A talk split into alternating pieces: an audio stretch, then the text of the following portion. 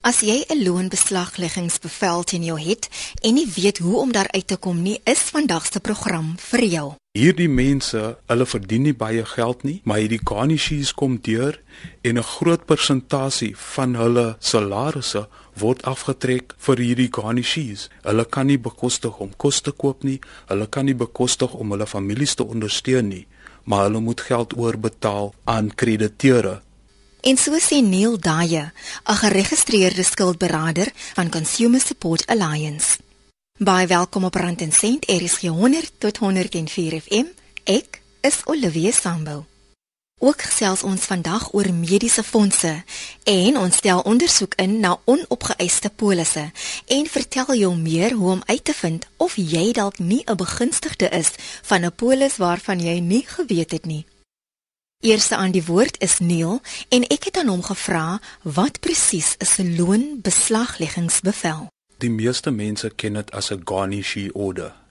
En wat gewoonlik gebeur is, daar's baie mense wat skuld het en daar's ook baie mense wat agterstallig raak met daardie skuld. Wat dan gebeur is as hulle nie 'n reëling met die krediteur tref nie of hulle gaan nie onder skuldberading om met daardie skuld te help nie, dan gaan die krediteur na die hof toe en die krediteur vra vir die hof vir toestemming of vir 'n oordeel om te bevestig dat daardie debiteur die geld regtig aan hulle skuld. En wanneer hulle daardie oordeel het, kan hulle dan aansoek doen vir 'n loonbeslagleggingsbevel of 'n garnishee order. En wat dit doen is dit gee vir hulle die mag om na die werkgewer van daardie debiteur te gaan en vir hulle te beveel dat 'n bedrag van die persoon se salaris afgetrek moet word en aan hulle oorbetaal moet word totdat die skuld klaar betaal is. Daar is 'n proses wat gevolg moet word voordat hy bevel uitgereik kan word, maar daai proses word nie altyd gevolg nie. Nee, en wat nou duidelik geword het, is dat daar baie van hierdie garnishee orders wat van mense se salaris afgetrek word wat nie die regte prosedure gevolg het nie. Een van die groot probleme is as 'n persoon woon en werk in die Kaap, die hof wat die garnishee order uitreik, moet ook in die Kaap wees. As ek in Wynberg bly en ek werk in Kaapstad, daar kan nie 'n garnishee order teen my uitgereik word in Kempton Park of van der Byl Park of Randburg, maar dis wat gebeur en dit gebeur in die meeste gevalle. En daar is nou 'n oordeel in die Hoë Regshof in die Wes-Kaap deur regter Desai waar hy gesê het as dit nou die saak is moet die werkgewer asseblief nie die garnishie op die werknemer se salaris of van die werknemer se salaris aftrek nie want dit is onwettig en dit is ongeldig. Die ander probleem is voordat die garnishie uitgereik is deur die hof, is daar veronderstel om 'n ondersoek ingestel te wees om te sien kan daardie werknemer daardie garnishie bekostig. In baie gevalle is dit nooit gedoen nie. Die werknemer is veronderstel om in die hof te verskyn en daardie ondersoek moet kyk na wat is hulle inkomste, wat is hulle uitgawes, wat benodig hulle, het hulle kinders, wat benodig hulle vir kos, wat benodig hulle vir rent, wat benodig hulle vir vervoer om by die werk te kom en terug huis toe te kom. En dis nooit gedoen nie. En die bedrag wat van mense se salarisse afgetrek word, is heeltemal onrealisties en dis bedrag wat hulle basies nie kan bekostig nie. Die departement van justisie het ook hulle kommer uitgespreek oor die misbruik van die loonbeslagleggingsbevel. Hulle moedig werkgewers aan om meer betrokke te raak by die proses en om nie met aftrekkings voort te gaan alvorens hulle die wettigheid van die dokument vasgestel het nie. Neil verduidelik hoe jy kan bepaal of dit 'n wettige dokument is. Dit is net een stukkie papier gewoonlik wat aan die werkgewer gestuur is maar daarop sal dit duidelik sê in watter hof is dit uitgereik. En die werkgewer sal weet as my plek in die Kaap is en die meeste van my werknemers het in die Kaap groot geword, hulle het hulle hele lewens in die Kaap deurgebring dan kan hulle nie onder 'n hof in Kempton Park of van der Byl Park val nie. Wat presies is die proses voordat hy bevel aan jou oorhandig kan word? Voordat 'n krediteur die garnishee order gaan kry, moet hulle eers aansoek doen vir die oordeel of die judgment soos ons dit in Engels noem. So hulle moet hof toe gaan, hulle moet bewys dat daardie persoon die geld aan hulle skuld, dat dit agterstallig is. Voordat hulle dit doen, is hulle veronderstel om eers met die debiteur in kontak te tree en probeer om 'n reëling te maak of net vir hulle in kennis te stel. Kyk, hierdie skuld is nou agterstallig en ons soek ons geld.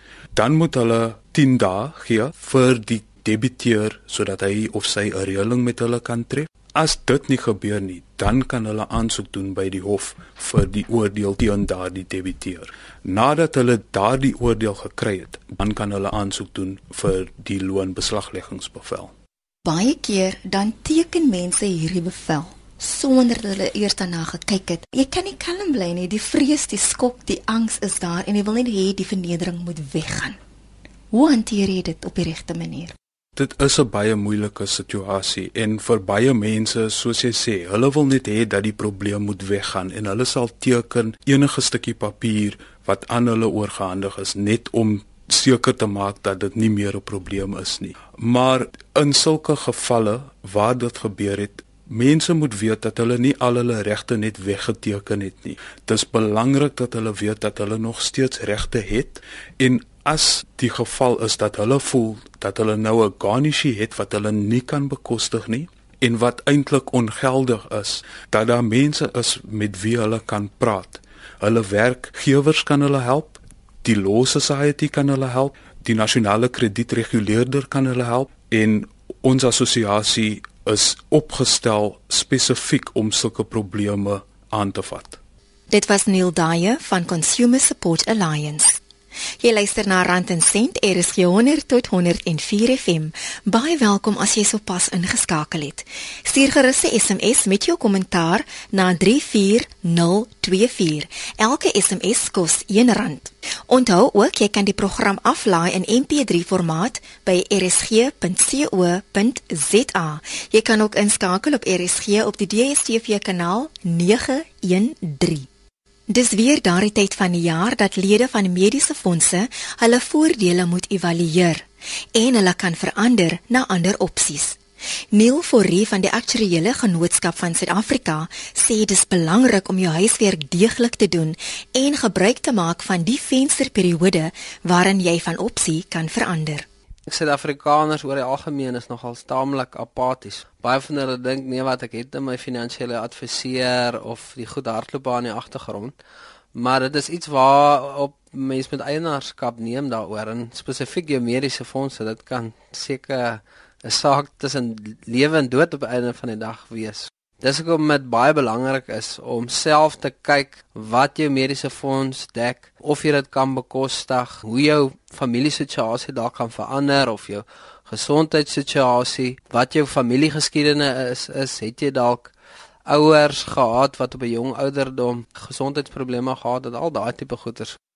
Vanaf November tot Desember is die enigste tyd van die jaar wat jy van opsie kan verander. Die mediese fondse wil nie hê mense moet gedurende die jaar tussen opsies skuif nie. Want byvoorbeeld as jy op 'n lae opsie is en jy sien o, jete, hier kom nou 'n groot eis deur of jy moet nou gaan vir 'n groot operasie of iets wat nie in jou huidige opsie is nie en jy skuif op na die hoër opsie toe, dan gaan die mediese fondse uitverloor. En daar's eintlik 'n term wat hulle daarvoor het in die aktuariële wetenskap, hulle noem dit antiseleksie. Dis maar net om te keer dat ehm um, hulle nie onnodig slegte eise het nie. Die een manier is om met 'n finansiële adviseur te praat en te kyk dat hulle jou deur daai goed vat. Maar die ander manier wat ek dink beter eintlik is is spandeer tyd daarop as jy nie weet wat 'n woord beteken nie, gaan Google dit of kyk in die in die woordeboek sodat jy self eienaarskap kan vat en as daai brief volgende jaar weer kom, dan weet jy wat beteken al die verskillende goeders wat in daai brief staan.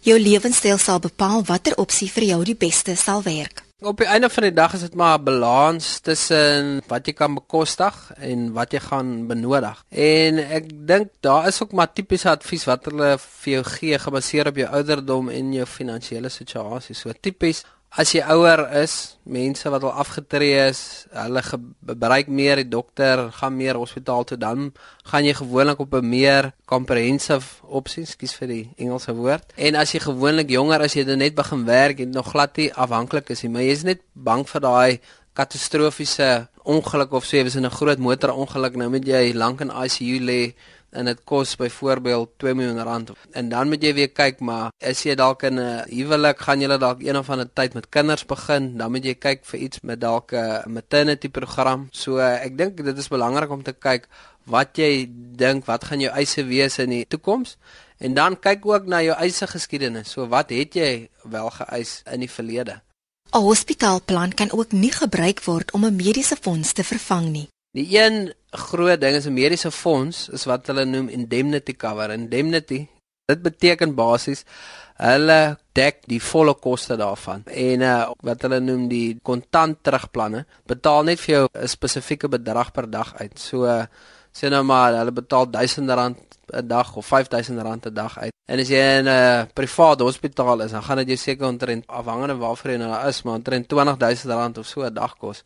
So dan gaan jy definitief genoeg uh, samedekking hê nie. En dan is dit ook gaan jy in sta in 'n staatshospitaal wees waar dit dalk vir jou dan goeie geld gaan wees wat jy gaan kry of as jy in 'n private uh, hospitaal waar dit hopeloos te min gaan wees. So op 'n einde van die dag hang dit maar weer af van jou spesifieke omstandighede.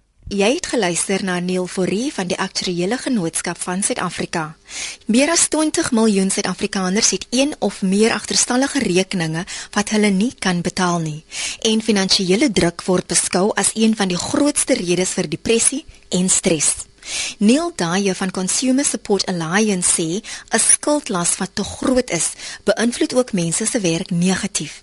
Ek het aan hom gevra of daar 'n maksimum aantal loonbeslagleggingsbevele is wat teen jou uitgeneem kan word. Daar is nie 'n spesifieke persentasie of 'n spesifieke bedrag nie en die rede daarvoor is dat dit hang af van soveel omstandighede. Dit hang af van hoeveel die mens verdien. Dit hang af van wat die uitstaande balans van die lening is. Daar is ook ander faktore wat intree. Maar wat veronderstel is om te gebeur is dat die landros of die magistraat of die regter ondersoek moet instel om vas te stel wat kan hierdie persoon bekostig om terug te betaal. En elke mens se omstandighede verskil. Sommige mense het 5 kinders wat hulle moet voer en hulle het skool vir jou wat hulle moet betaal. Hulle woon baie ver van hulle werk af, so hulle vervoerkoste is baie hoog. Ander mense, hulle stap werk toe, hulle het nie kinders nie, hulle eet nie baie nie. So daardie is almal die faktore wat die landros of die magistraat of die regter in ag moet neem wanneer hy bepaal wat is die bedrag van hierdie loonbeleggingsbevel wat hy gaan uitreik. Is daar hoop dat die misbruik van hierdie bevel ooit sal stop? Ek weet nie of dit ooit sal stop nie, maar ek dink dat hierdie oordeel wat regter Desai uitgereik het 'n baie baie groot stap is om dit te verminder of te verhoed. Dit het baie gebeur en hopelik nou sal dit afneem en dat daar minder misbruike van die wet sal wees om hierdie garnishes te kry. Want een van die dinge ongelukkig is dat mense is nie goed ingelig oor hulle regte en wat hulle kan doen indien hulle in 'n situasie is waar hulle miskien 'n proses bevraagteken.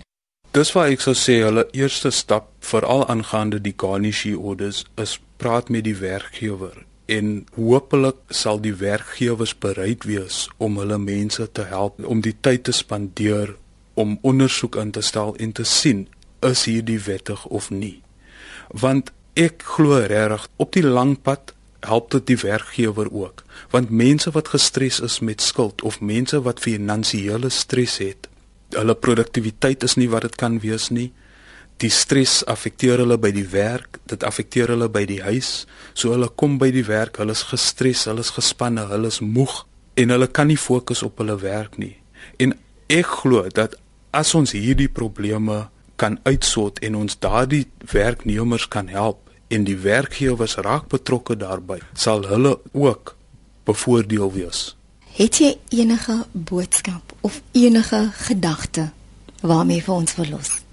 Ek sou sê in my werk as skuldberader het ek besef dat skuld 'n groter probleem veral in Suid-Afrika is as wat mense dink. Baie mense wat vir my en my kollegas kom sien, hulle vra vir ons is my geval die ergste wat jy ooit gesien het. En almal voel hulle is die enigste een wat met so 'n probleem sit. En ek dink my boodskap sal wees veel meer as 50% van die mense in Suid-Afrika is aangeraak deur skuld en skuldprobleme. Dis niks om oor skaam te wees nie. Mense hoef nie alleen te voel nie en mense moet weet dat hulle opsies het. Daar is mense met wie jy kan kan praat. Daar is advies wat mense kan kry en daar is oplossings vir mense wat in daardie situasie is. Die telefoonnommer wat mense kan gebruik is 021 913 2514. Ons webwerf is www.consumersupport.co.za. Aan die woord is Neil Daye van Consumer Support Alliance. En jy luister na Rand en Sent op RSG 100 tot 104 FM. Stuur 'n SMS na 34024 en deel jou opinie met ons. Elke SMS kos R1. Jy kan ook 'n e-pos stuur na olivia.sambo@gmail.com. Een van die aangenaamste verrassings is om 'n meevallertjie uit 'n onverwagte oor te kry. En dis iets waaroor ons almal heimlik droom. Daar is egter die gelukkige siele wat 'n begunstigde van 'n polis is en nie daarvan weet nie. Daar is heidaglik meer as 700 000 begunstigdes wat nie opgespoor is nie. Maar reeds is meer as 400 000 begunstigdes opgespoor en dit het hulle lewens drasties verander. Leon Kamfer, hoofuitvoerende beampte van die Vereniging van Spaar en Beleggings in Suid-Afrika, oftewel Assisa, Suid-Afrika is die enigste land in die wêreld wat die verjaring konsep nie toepas nie. So daar is nie 'n verjaringstermyn op polisse en vir begunstigdes van polisse nie. So as jy kan bewys jy is 'n begunstige, kan jy in 30 jaar se tyd jou voordeel opeis. Op die oomblik soos dit staan is daar omtrent 757000 begunstigdes wat nog nie opgespoor is nie. Dis die slegte. Die goeie nuus, 431000 is alreeds opgespoor. Dis 'n probleem, ek dink omdat mense nie behoorlik boedelberedering doen nie. Hulle vertel nie hulle familie van polisse en wie die begunstigde is nie, maar die industrie maak werk daarvan daar's opsporingsagente, privaat ondersoekers. Ons werk met die binnelandse sake saam en kredietburo en ook nou social media om die mense te probeer opspoor. As jy vermoed dat jy 'n begunstigde is, kan jy wel uitvind of daar eers 'n neseiertjie vir jou is. Die enigste ding wat jy moet doen is bewys dat of jy is die eienaar van die polis of dat jy 'n begunstigde van die polis is. Enige iemand wat 'n polis uitneem, moet 'n begunstigde aanteken in die polis. So as jy kan bewys dat jy begunstigde is, kan jy die, die voordeel eis. Want daar is nie verjaring nie. Polisse wat hier regtig ter sprake is, is lewensversekering uitkeerpolisse wat 'n beleggingspolis is en annuïteite wat daar is vir aftree. Ek dink dit sal werk kos. Ek meen jy moet jou besonderhede hê en jy moet die instansies direk kontak en sê is ek 'n begunstige van 'n polis by julle of hulle kan gaan kyk wie die opsporingsagente is want dit sal alles op social media wees en dan by hulle gaan aanklop en uitvind of hulle besig is om 'n begunstigde te soek. Dis nie maklik nie, maar as jy werk daarvan maak, kan jy miskien eendag 'n fantastiese meevaller kry wat jy nie geweet het bestaan nie. Dis meer as een instansie wat op soek is na begunstigdes. Dis die die hele ledetaal van 'n CISA en dit is grootendeels die lewensversekeraars. Om 'n paar te noem Mutual, Sanlam, Hollard, Momentum, Metropolitan, Discovery Life ensovoorts. In kollektief is hulle besig om die mense te probeer opspoor en hulle moet bewys dat hulle dit wel probeer doen in terme van die CISA standaarde. Ek weet nie presies hoe die opsporingsagentskappe werk nie, maar hulle vat dit op hulle self om die begunstigste of die polishouer op te spoor. So hulle gebruik privaat ondersoekers, hulle onderhandel met departement van binnelandse sake, kredietburo om te probeer uitvind wie die persoon is, waar die persoon woonagtig is ensovoorts. En die proses wil voorkom asof dit werk. Ek meen vanaf die standaard in plek is van 2013 aan die einde van Junie is 431 1000 polishouers alreeds opgespoor. Uitstaan is nog 700 000, maar ek dink veral met onderhoude soos dit, die media en die opsporingsagentskappe sal daar werk gemaak word om daai uitstaande polishouers of begunstigdes op te spoor. Al is daar 'n testament, moet die begunstigde van 'n polis kry soos wat dit in die polis aangedui word. Dit val buite erfreg dit is baie duidelik. 'n Begunstigde wat genoteer word in 'n polis moet die voordeel ontvang, ongeag wat in die boedel bemaak is. Maar as jy van erfreg praat as die begunstigde iemand is en is baie duidelik in die polis, dan sal erfreg gaan van wie daai begunstigde se begunstigdes is. Leon glo dat 'n gebrek aan kommunikasie en onvoldoende beplanning grootliks daartoe bydra dat begunstigdes salig onbewus is van geld wat hulle toekom. Om dit te voorkom, moet mense net verstaan hulle moet hulle sake behoorlik in orde kry. Ek sê altyd vir mense daar moet een leer wees in die huis waar al die goed bymekaar is sodat jy kan gaan na die leer toe sê wat sê die boedel? Wie is die begunstigde van verskeie polisse sodat hulle weet dat hulle erf en hulle hulle voordele kan opeis as jy nie kommunikeer nie dan het ons 'n situasie hierso wat nou baie werk nodig het om die begunstigdes op te spoor. Maar ek dink ons is op die regte pad en ons het alreeds redelik sukses as 'n indus, industrie bewerkstellig met die prosesse wat daar is. En dit is 'n goeie boodskap vir mense om seker te maak dat hulle wel 'n begunstigde is erns van 'n polis want dit kan hulle lewens verander. So al vat dit 'n bietjie werk van albei kante is dit definitief die moeite werd. Het jy enige boodskap of advies Ek dink al die luisteraars moet verstaan dat baie van die probleme is daarom dat mense nie behoorlik kommunikeer nie omdat hulle nie behoorlik inligting het nie. Dit vat nie baie werk nie. As jy jou geldelike sake mooi beredder, kan jy baie baie probleme oplos. Ek dink dit is baie belangrik dat mense verstaan dit kos baie min om jou boedel ensovoorts behoorlik na te kom. En dit kan vir jou begunstigdes baie beteken eendag en ek dink die mense moet dit ooit vergeet. Dit aan Leon Kamfer van Assisa. Kontak gerus vir Assisa as jy enigsins vermoed dat jy 'n begunstigde van 'n polis is. Jy mag dalk net 'n vroeë en wonderlike en baie welkome Kersfeesgeskenk kry. Ek groet om volgende Sondagmiddag om 12:30. Totsiens van my Olivia Sambo hier op Brand en Sent. Er is jou 100 tot 104 FM.